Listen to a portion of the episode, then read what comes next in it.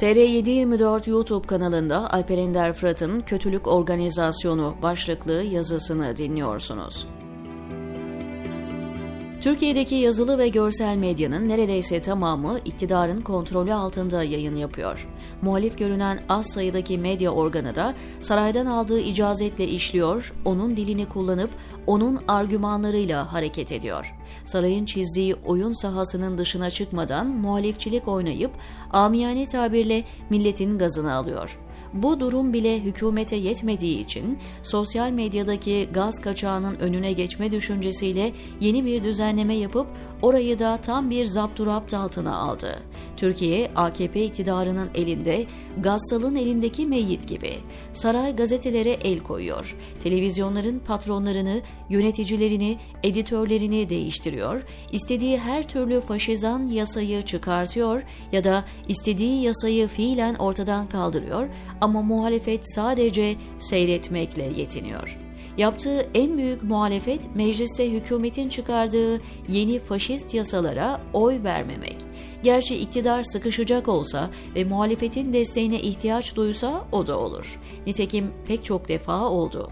Muhalefetin saray iktidarına karşı bundan başka bir politikası, tavrı ya da karşı duruşu yok. Bir de iktidarda yönetici olan herhangi bir kişinin FETÖ'yle bir zamanlar nasıl yakın olduğunu gösterecek veri toplamayı da muhalefetin yaptığı işler arasında saymak gerekir.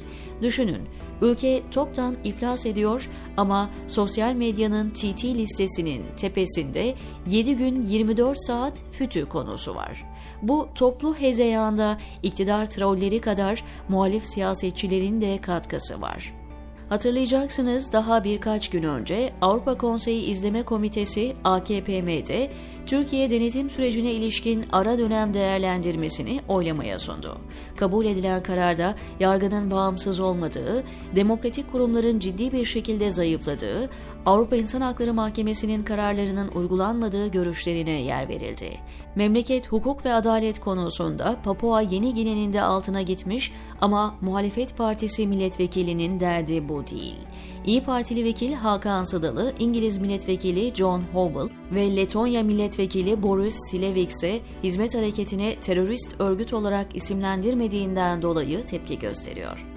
Tam 6 yıl olmuş. Sarma sarmaktan daha büyük kabahat işlememiş bir kitle, soykırıma maruz bırakılmış, yüz binlerce insanı devletten atıp hapislere doldurulmuş, bu da yetmemiş ve binlerce insan çeşitli bahanelerle öldürülmüş ama muhalefet partisinin yüreği soğumamış.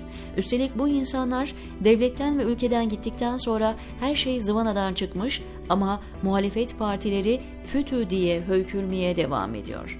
Oysa muhalefetin görevi iktidarın her türlü zulmüne ve adaletsizliğine karşı vatandaşın haklarını korumaktır. Bunu yapması gerekirken zalim iktidarın tefini çalmayı tercih eden muhalefet milletvekilinin ağzının payını bir İngiliz milletvekili veriyor.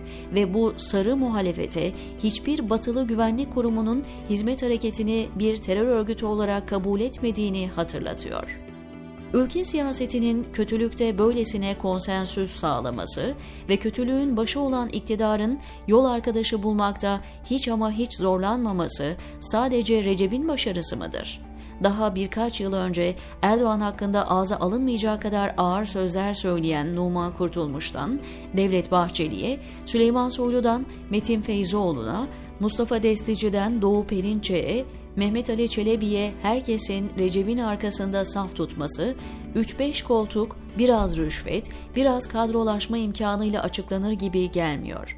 Sadece bunlar değil, partiye katılmamış Ümit Özdağ, Muharrem İnce, Duran Kalkan gibi figürleri açıktan, Özgür Özel, Faik Öztrak gibi CHP'lilerle bütün iyi Partilileri de perde arkasından istediği gibi yönetebiliyor olmasını da rasyonel gerçeklerle açıklayamıyorum. Hadi iyimser bir bakışla Kılıçdaroğlu'nu bir kenara bırakırsak, muhalefetin seçimi kazanmak, AKP'yi iktidardan etmek gibi bir gündemi bile yok gibi. Bütün bunlar Recep Tayyip Erdoğan'ın tek başına çevireceği işler gibi gelmiyor bana. Arkada daha büyük bir kötülük organizasyonu var sanki. Ne lazımsa, neye ihtiyacı varsa bir şekilde temin edip ayakta kalması sağlanıyor. Recep mi hacı yatmaz yoksa hacıyı ne olursa olsun yatırmıyorlar mı bilemiyorum. bir tek cemaat düşmanlığını unutmayan, onu her daim dipdiri, cap canlı tutan, ne olursa olsun görevini unutmayan bir kötülük, diyor Alper Ender Fırat, TR724'deki köşesinde.